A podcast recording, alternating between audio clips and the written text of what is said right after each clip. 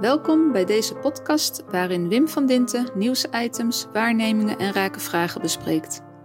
Veel zaken worden pas echt interessant als je dieper graaft en daar kom je altijd een laag van betekenisgeving tegen. In de podcast van deze week hoor je het audiospoor van de vlog van Wim van Dinten, waarin hij een aflevering van Ik Vertrek gebruikt als metafoor om verschillen in oriëntaties zichtbaar te maken. Je kunt die oefening doen om verschillen tussen mensen te herkennen en om verschillen te herkennen in de manieren waarop gewerkt en georganiseerd wordt. Werkt deze oefening ook bij grote maatschappelijke kwesties zoals de Brexit?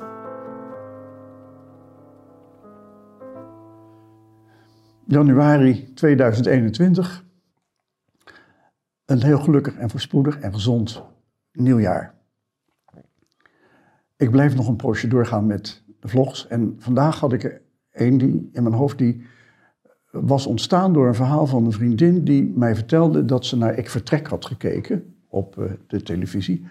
En uh, ja, ze vertelde dan wat daarin gebeurde. Dus ik heb dat ook maar eens even nagekeken. Het ging over Emmy en Rutger. In dat filmpje neemt Emmy afscheid van haar werkomgeving. Ze is verpleegkundige in de kinderzorg en uh, mag met pensioen. En zij en haar man hebben ooit ontdekt dat er een kasteel is in Frankrijk en daar is ze helemaal weg van.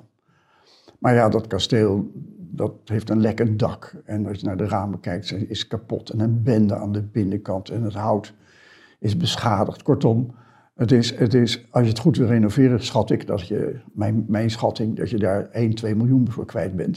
Het is behoorlijk groot en omvangrijk wat er moet gebeuren. Maar, maar het is haar droom. En ze kopen het voor 300.000 euro. Maar Rutger haakt erop af. Hij wil geen eigenaar zijn. Hij ziet een enorme klus voor zich waar hij waar die niet aan wil beginnen. Hij is standaard en wil dat ook nog een poosje blijven. En hij besluit een woonboot te kopen. Dat zie je dan ook in dat filmpje. Een mooie woonboot, die wordt neergelegd. En hij gaat dan wel af en toe naar haar toe. Dat is ook afgesproken. En dan helpt hij haar zoveel hij kan. Maar hij haakt af van wat zij met haar droom wil bereiken. En je ziet dan Emmy daar in dat huis aan de gang gaan. En dan doet ze het niet heel erg functioneel en planmatig, maar zij kiest wat haar uitkomt en voor de hand ligt. En kennelijk is het feit dat dat kasteel zo'n band is voor haar helemaal geen probleem. Ze geniet van de omvang en de ligging en maakt daarbinnen de ruimten klaar die ze denkt nodig te hebben. Of wil gebruiken. En geniet dan ook van dingen die schoon worden en die opknappen en van die kleine stukjes die uiteindelijk helemaal leiden tot wat na twee jaar is, een, een chambre waarbij ze mensen kan ontvangen. En die komen dus ook.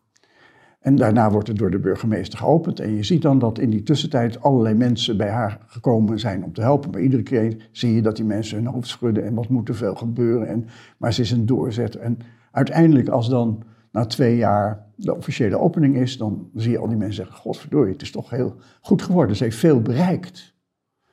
En zij zegt dan ehm, in een soort interview naast haar man gezeten, dat je je droom moet volhouden. Dat wat je prettig vindt en je, wat, je, wat je levend geeft.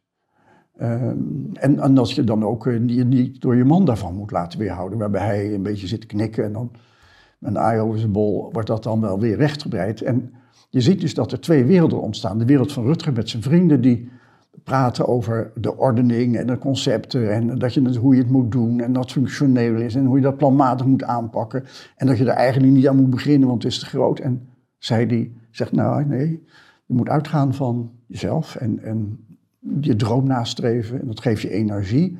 En dan zie je wel waar je uitkomt, je kunt ook vallen, dat hoort erbij, maar intussen heb je naar je zin en je leeft. En daarna was er op Twitter een enorme discussie van twee groepen. De groep zeg maar, die Rutger volgde. En zeiden, nou, dit is onzin en je moet dat planmatig doen en dit lijkt toch nergens op. En uh, hoe kun je er nou zo aan beginnen? En die andere groep, vaak vrouwen, die vonden dat wat Emmy deed, dat dat de manier is. Dat je zo in de wereld moest staan, dat je zo moest kijken. En dat je ook uh, risico's daarbij nam, maar dat je wel leefde. En voor, voor mij werd dat filmpje een metafoor van Brexit. Want ook daar zag je groepen mensen die zeiden: je moet binnen de EU blijven en alle regels en het geeft comfort en een grote markt. En een hele grote groep die zeiden: wij willen voor onze eigen droom uitgaan en wat daarin mogelijk is. En weer de ruimte daarvoor hebben. En losraken van de Europese Unie met allerlei regels en bedisselingen. En wij willen onze eigen ruimte, onze eigen wereld ingaan. En uiteindelijk hebben die Brexiteers dat ook gewonnen. En nu per 1 januari is het dan zover. En als je nu naar Johnson luistert, hij was bij Andrew Marr afgelopen zondag, dan, eh, dan hoor je de taal die ook Emmy gebruikte. De wereld ligt open en geeft een enorme ruimte. En we moeten blij zijn dat we dat kunnen. En de vrienden van ons in de EU blijven natuurlijk onze vrienden, maar we hebben nu wel ons eigen rijk terug en onze eigen ruimte en onze eigen mogelijkheden terug. En, en je ziet die weerstand van mensen tegen die regels en wetten, dat die eigenlijk in de hele westerse wereld wel zichtbaar begint te worden. Trump werd gekozen op het feit dat hij de regels die in al die wetten zat, dat hij die eigenlijk aflegde en mensen ruimte beloofde. En ja, hij was natuurlijk iemand die heel erg van zichzelf uitging. En, en dus ook uitspraken deed waarvan je denkt, mijn hemel, hoe kan iemand dat zeggen? Zeker niet als president. Maar je herkent wel dat wat je bij Emmy ook zag, dat ze uit kon gaan van zichzelf en sociaal was. En dat Rutger uh, rationeel was en ook sociaal, dat die twee oriëntatieverschillen, dus de oriëntatie van Emmy en de oriëntatie van Rutger, dat je die ook in die groepen terugvindt. Van mensen die heel rationeel zijn en sociaal, denk maar aan de Obama's en de Merkels, en mensen die uitgaan van zichzelf en dan vinden dat ze hun gang kunnen gaan. En dan is Trump daar natuurlijk een uitgesproken voorbeeld van. Je ziet nu in eigenlijk alle landen van Europa dat mensen beginnen te eisen dat ze de ruimte krijgen om hun eigen mogelijkheden weer tot gelding te brengen. Catalanen willen in Spanje zelfstandigheid. De Schotten willen ruimte hebben binnen het Verenigd Koninkrijk om weer een eigen gang te kunnen gaan.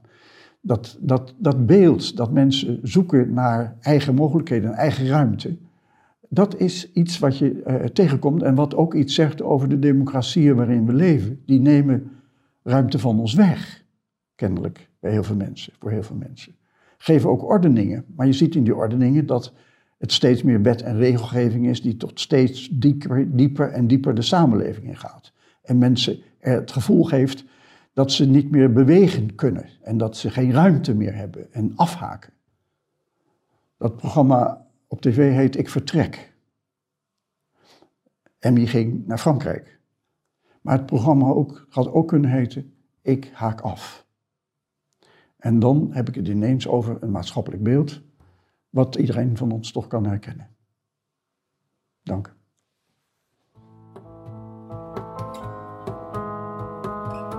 Ben je nieuwsgierig geworden naar de vlog van deze podcast? Klik dan op de link die je vindt in de omschrijving.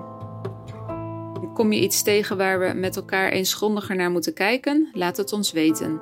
Stuur een berichtje naar czen,